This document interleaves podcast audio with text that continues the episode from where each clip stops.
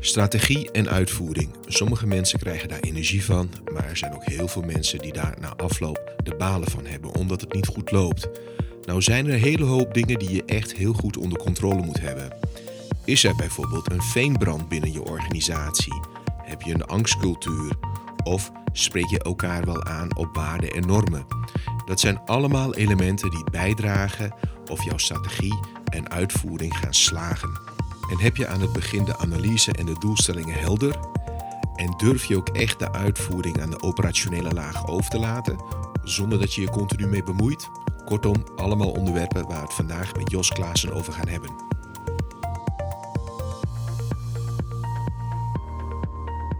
Uh, welkom bij uh, deel 2 van de podcast met Jos Klaassen over uh, bewust leiderschap. En in dit deel gaan we het hebben over strategie en uitvoering. En dat is altijd een ontzettend leuk onderwerp, omdat dat gemiddeld genomen enorm toren van Babylon is. Klopt dat een beetje, Jos, of niet? Of uh, loop ik nou weer te zwetsen? Nee, je loopt niet te zwetsen, zeker niet. Uh, ik denk dat heel veel bedrijven, organisaties stoeien met strategie. Mhm. Maar nog veel meer uh, organisaties inderdaad moeite hebben om die strategie die ze zo mooi bedacht hebben, inderdaad tot uitvoering te brengen. En de resultaten te halen die ze uiteindelijk nastreven. En, en daar zit heel veel discrepantie, wat voor de buitenwereld vaak niet altijd uh, duidelijk wordt. Maar uh, strategie-uitvoering is een vak apart. Ja, en moeten de mensen die het bedacht hebben het ook doen? Of moet je daar een andere team voor hebben? Uh, of wat is wijsheid? Dat, dat is, dat ja, ja, ja, ja, ja. ja je, hebt, je hebt wel verschillende vaardigheden nodig, uh, denk ik. Dus nou goed, als je een klein team hebt, dan ben je misschien aangewezen om het allemaal zelf te doen.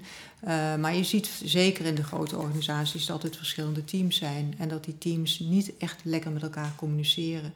Dus als bijvoorbeeld het strategisch team een analyse doet, dan wil dat nog niet altijd zeggen dat de operationele mensen uh, de resultaten van die analyse zien.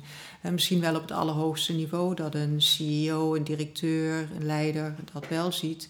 Maar de mensen die het daadwerkelijk moeten uitvoeren, vaak niet. En dat heeft wel consequenties. Wat voor, consequenties heeft het dan, uh, Jos? Nou, als de analyse aangeeft van nou, oké, okay, we zitten in het verkeerde marktsegment, althans de markt gaat veranderen en we moeten een nieuw segment aanboren. Ja, dan vind ik wel dat je dat inderdaad moet delen met de operationele mensen. Want die moeten dan toch al dingen gaan doen om uh, te zorgen dat dat marktsegment ja, uh, niet meer op dezelfde manier bediend gaat worden. En dus ook die terugtrekkende beweging uh, gaan bedenken. Dus die ommezwaai, uh, ja, die moet je managen. En dat wordt vaak niet gedaan. Dus je ziet dat er bij strategieuitvoering vaak misgaat op analyse aan de ene kant en aan de andere kant op doelstellingen. Die mooie strategische doelen worden niet voldoende zeg maar, gedragen door de operationele uh, organisatie. En komt dat omdat het, uh, de high-sessie was uh, zo enthousiast en goed en iedereen had energie. En dan naarmate het verder in de organisatie komt, weet je, zwakt die energie uh, en, en de communicatie waar we het in deel 1 over hadden. Ja. Ja. Uh, en nu ook weer is communicatie belangrijk. Uh, zwakt het dan gewoon eigenlijk af? Ja, ja dat is zeker een, een item. dus het stukje communicatie is belangrijk. Je ziet dat doelstellingen vaak wel worden gecascadeerd, zoals het zo mooi heet in managementland, van boven naar beneden worden doorgecommuniceerd maar niet zozeer zeg maar, op een gelijk niveau worden gedeeld. Hè. Dus je ziet bij grote ondernemingen dat de business units toch een beetje concurreren met elkaar en niet echt weten wat de doelstellingen zijn. Maar het andere hele belangrijke is, is dat als jij als individu in een operationele unit zit, je wil echt betrokken zijn bij wat jouw doelstellingen zijn en ook weten dat die A ambitieus zijn, maar B ook haalbaar zijn. Ja. Dus die dialoog die moet gevoerd worden. En dat is iets waar ik in heel veel organisaties toch wel tegenaan ben gelopen, dat, dat mensen daar moeite mee hebben. Om gewoon in een goede voorbereiding die doelstellingen af te stemmen en het dan daadwerkelijk over te laten aan degene die dat doel moet bereiken. Dus het hoe moet je als manager inderdaad niet echt belangrijk vinden, maar moet je gewoon echt overlaten aan de operationeel verantwoordelijke. Oké. Uh, wat je vaak ziet, uh, Jos, is dat uh, je zei net dat, dat als je de strategie hebt ontworpen, dat je de executie eh, dat je alle mensen eigenlijk mee moet krijgen. Hè? Dat, is, Ja. dat is nog wel een uitdaging. Ja, Eh, maar vaak zie je ook dat strategie vaak wordt verward met hele verschillende termen. Hè. Een, een transformatie eh, blijkt een verkapte reorganisatie te zijn. En de nieuwe disruptieve organisatie blijkt in één keer gekke dingen te doen. Wat helemaal niet zo di- disruptief is als men had beloofd. Hè, dus weet je, als je, als je de start al verkeerd maakt, dan krijgen de mensen toch ook niet meer mee. Want mensen zijn natuurlijk niet dom. De medewerkers op de werkvloer die zijn niet allemaal eh, dom. En die zien dat en denken wat gaan ze nou weer doen? Wat hebben ze nou weer verzonnen? Hoe, hoe kun je dat nou voorkomen? Ja, hoe kun je dat voorkomen? Nou, ik denk dat het eh, begint met toch gewoon een goede analyse van wat, eh, wat voor markt wil je bereiken, wat voor mensen wil je van dienst zijn als je in de overheidssector zit. En van daaruit een visie bepalen. Hè? Dus echt inderdaad van oké, hoe ziet die wereld eruit? Van dat stukje dienstverlening om een voorbeeld te noemen. Eh, en van daaruit inderdaad je missie bepalen van oké, wat, wat wil je als team, als organisatie van mensen wil je, wil je gaan bereiken.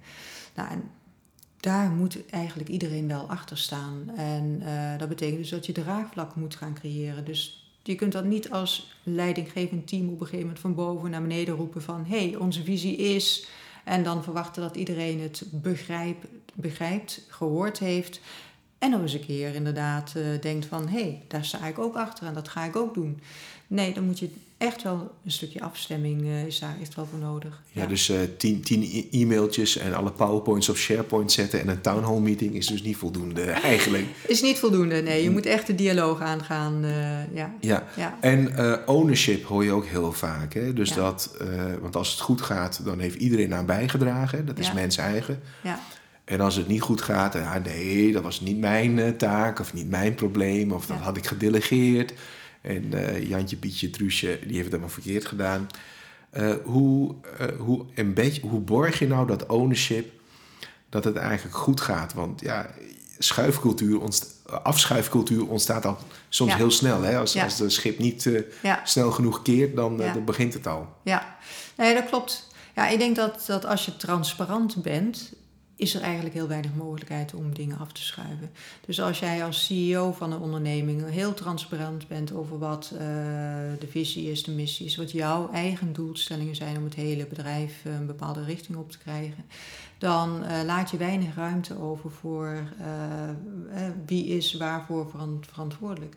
Dus als je dat plan, wat in mijn optiek gewoon echt op één A4'tje kan, in de onderneming verder leidt en eh, door iedereen op dezelfde manier laat, laat invullen, dan krijg je een heel transparant beeld van, eh, van doelstellingen. En eh, weet je, je moet er ook niet zo strak in zitten van, joh, eh, het moet allemaal de eerste keer goed zijn. Nee, ik denk juist dat we van fouten leren. Dus die, die, die vertrouwensbasis eh, is gewoon heel belangrijk om op een gegeven moment ook geen afschuifcultuur te creëren. Want dan geeft het niet als je een fout maakt of dat het fout is gegaan als team. Maar dat betekent ook dus als je een, eh, een angstcultuur hebt. eh, in angstcultuur mogen geen fouten gemaakt worden, omdat je Ja. geen, eh, daar hadden we een deel over, geen psychologische zekerheid hebt, want je wordt gestraft. Ja, Dan moet je dus ook aan je cultuur werken in die transformatie. ja, Hè? En dan ook zeggen van jongens, we gaan, eh, we gaan niet meer straffen, we gaan leren Ja. van fouten. ja, klopt. En, ehm, maar dan kom je weer terug op leiderschap. Ja, klopt, klopt.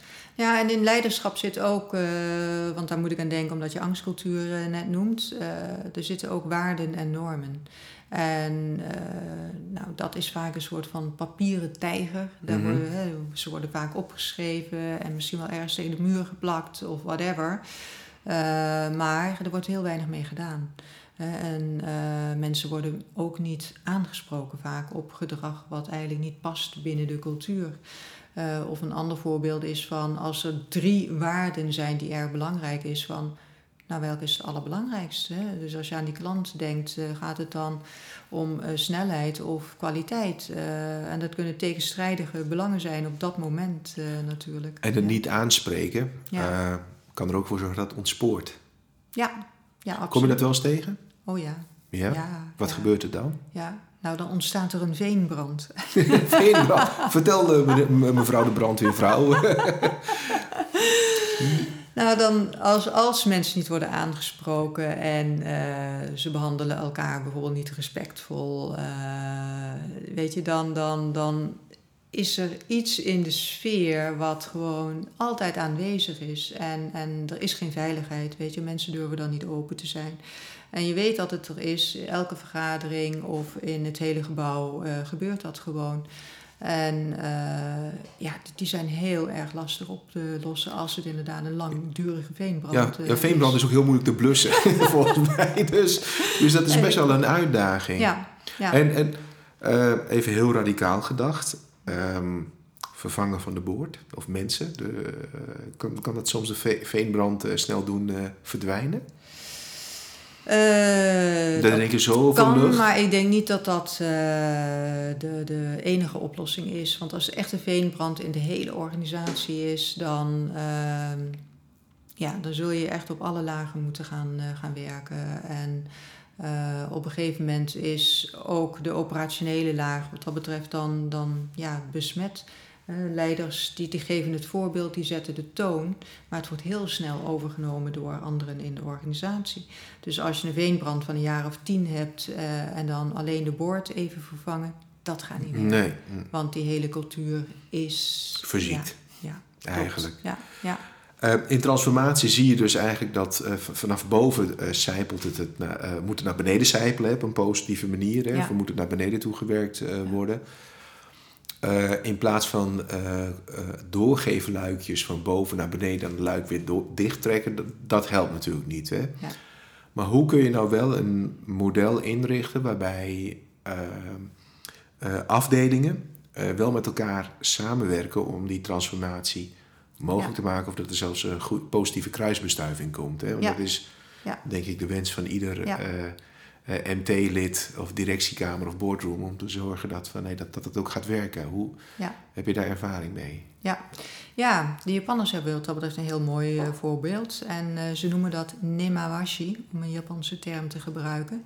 En uh, dat betekent eigenlijk digging around the root. Dus als ze een boom verplanten, dan pakken ze met de wortels samen eigenlijk ook veel meer aarde dan wij zouden doen in het Westen. En nemen ook een deel van die oude aarde mee naar de nieuwe plek en zetten daar die boom neer. En daarmee ja, bereiden ze eigenlijk die boom ook meer en meer voor op de nieuwe omgeving. En wat dat in de term van organisatie betekent, is eigenlijk dat je uh, een top-down en bottom-up proces creëert. Dus je gaat uh, een idee, en het kan boven beginnen, kan onder beginnen. Je gaat een idee lanceren en je checkt dat met de verschillende lagen in de organisatie. En dat kan zo een paar keer uh, ja, heen en weer of op en neer gaan. Maar dat leidt tot uiteindelijk afstemming. En dat betekent dat dat besluitvormingsproces misschien wel langer duurt. Maar de snelheid waarmee dan geïmplementeerd wordt is fenomenaal. Ja. En dan, dan is er gewoon draagvlak. Letterlijk. En is het dan ook democratischer? Dat is ook democratischer, ja. ja. ja. Uh, uh, zie jij dat Nederlandse bedrijven, want ja, in, in, de, in de eerste serie zeiden we al van nou, we zijn best wel een eigenwijs uh, volkje. Ja. Is dat iets wat gedragen wordt, dat democratische in Nederland? Want ja, Duitsers zijn weer heel hiërarchisch, hè? Ja. Fransozen nog meer, maar is dat iets wat gedragen wordt? Ja, ja, ik denk het wel. Uh, we zijn best wel individualistisch natuurlijk in Nederland, maar uh, ja, we willen toch wel graag gewoon uh, eigen verantwoordelijkheid nemen.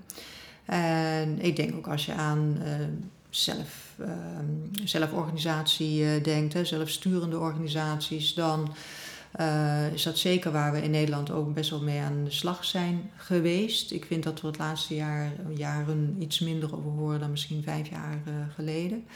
Um, maar er zijn wel belangrijke bewegingen waar zeker ook de jongere mensen gewoon in mee willen gaan.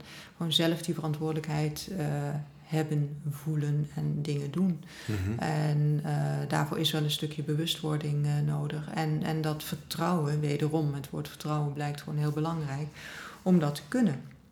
En je, hebt, ja, je, hebt, je hebt niet altijd zeg maar, de, de goedkeuring nodig van uh, management om iets te doen.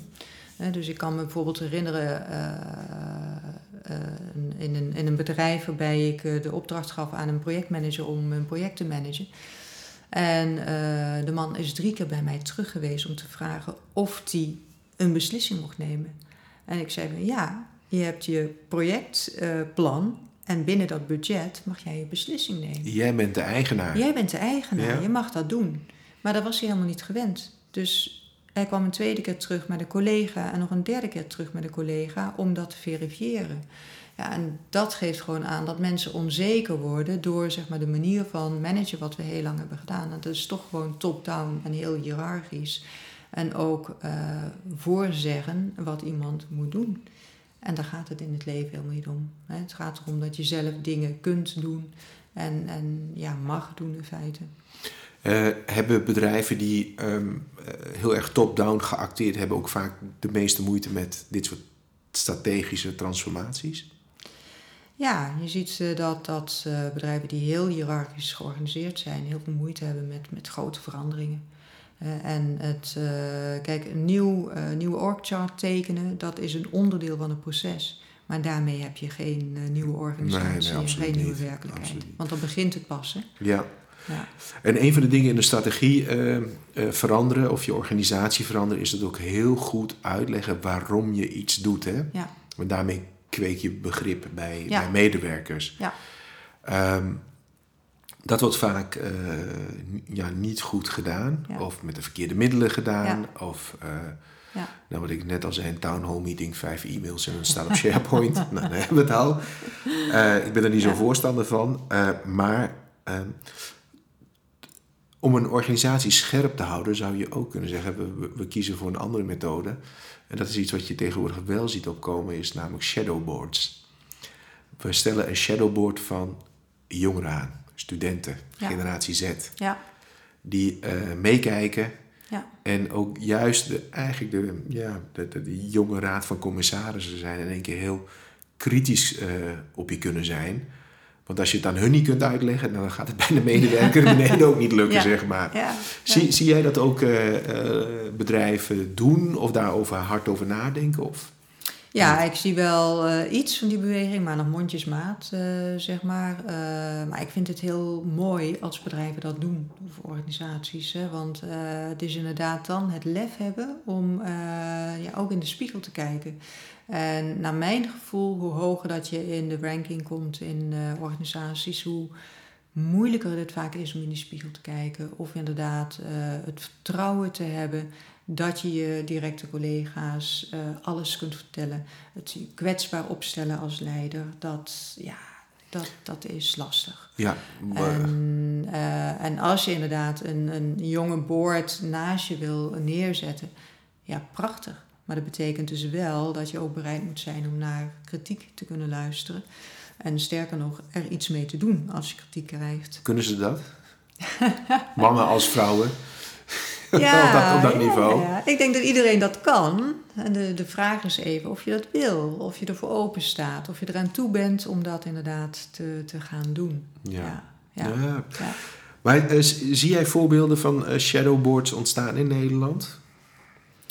Ik heb wel pogingen, niet, niet echt zeg maar een volledige shadowboard, maar ik heb wel eh, pogingen eh, gezien dat, dat, eh, dat er jongeren worden binnengehaald en dat er mee wordt gespart. Zeg maar. Of dat hele jonge toezichthouders in een raad van toezicht ontstaan. Ja.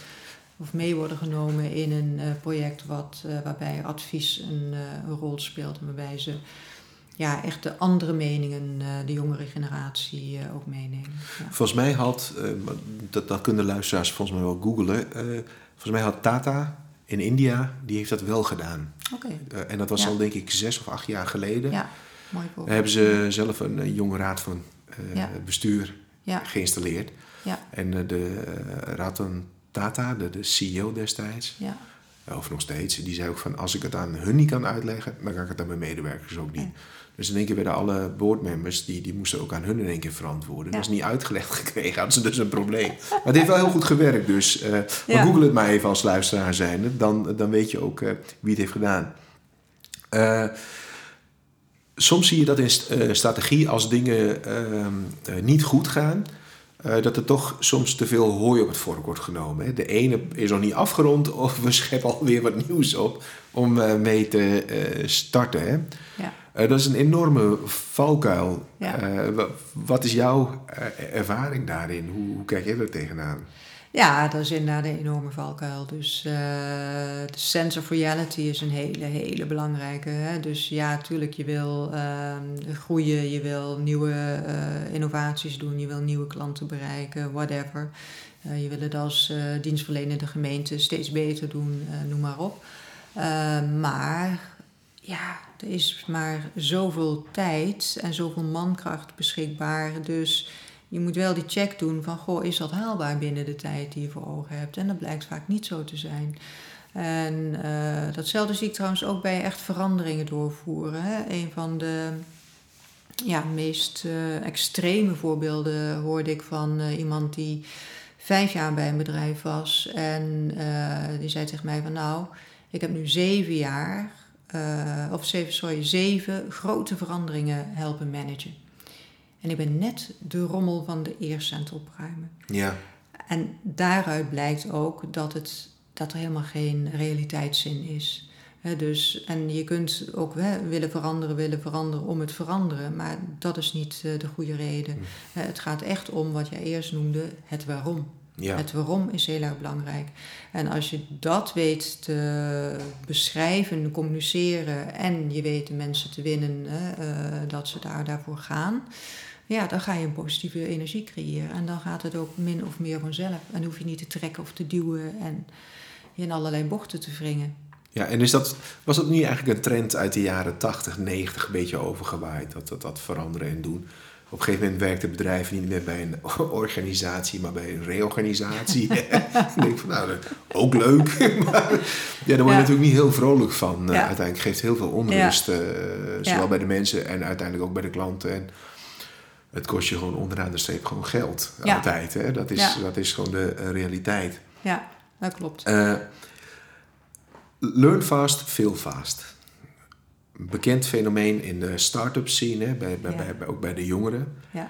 Uh, gebeurt dat ook, he, hebben bedrijven ook een model ingebouwd van als het niet lukt. Hè, dat kom ik heel vaak tegen als ik naar businessmodellen van bedrijven kijk. Ja. De eerste wat ik vraag, wat zijn de vier elementen waardoor je bedreigd kunt worden?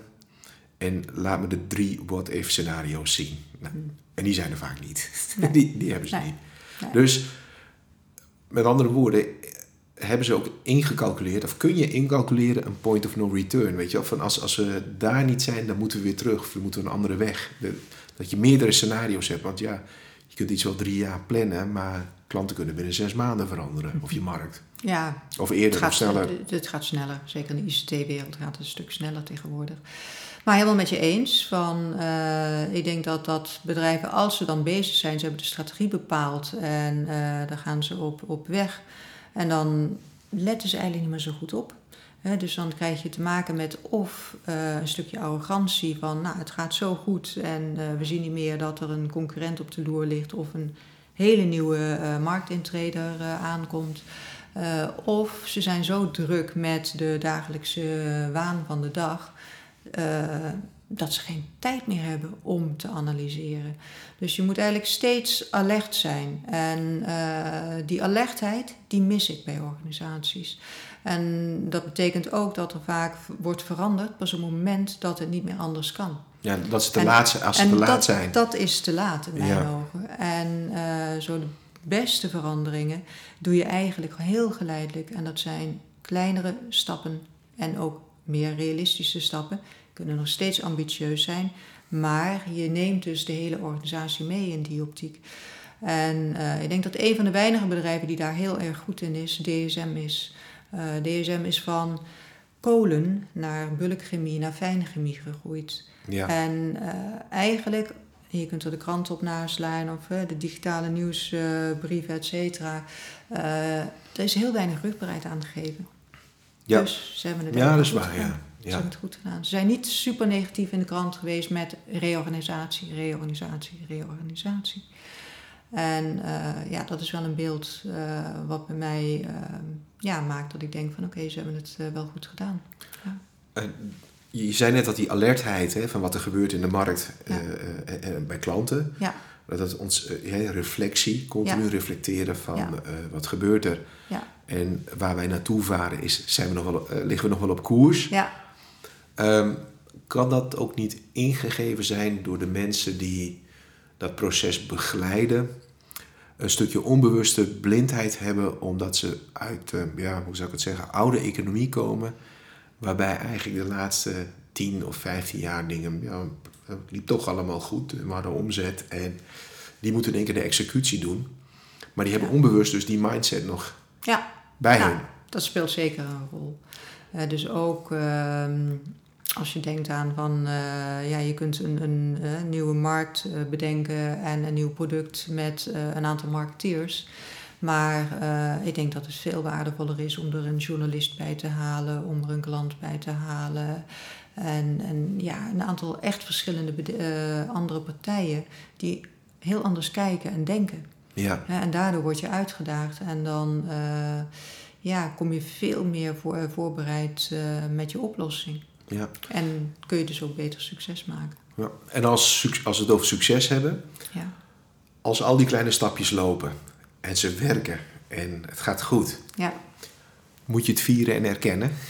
Moet je het? Vieren met z'n allen ja, en erkennen. ja, ja, ja, Want dat, dat zie ik ook niet vaak absoluut. gebeuren. Dat, eh, dat eh, alle mijl, mijlpaaltjes eh, gevierd worden. Ja, nee, nee, dat is heel belangrijk. Het is heel belangrijk om tijdens het proces ook complimenten te geven en elkaar niet alleen op fouten te wijzen, maar zeker ook de goede dingen te onderstrepen. En ja, successen moet je vieren. En eh, ja, dat, daar worden mensen blij van. Weet je, je wil uiteindelijk dat mensen trots eh, zijn eh, op het bedrijf waar ze voor werken. En wat ze zelf hebben bijgedragen aan dat geheel. En dat moet je ook durven te erkennen. En dat is nog wel een ding voor leidinggevenden ook, om het hele team te erkennen in wat er gebeurd is. Ja. Ja. Kortom, allemaal hele boeiende onderwerpen.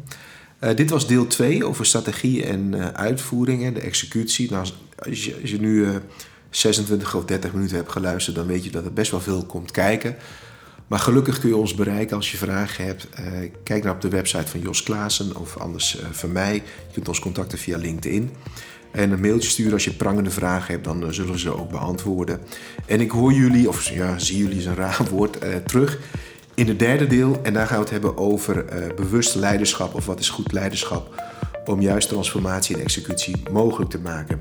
Tot de volgende podcast.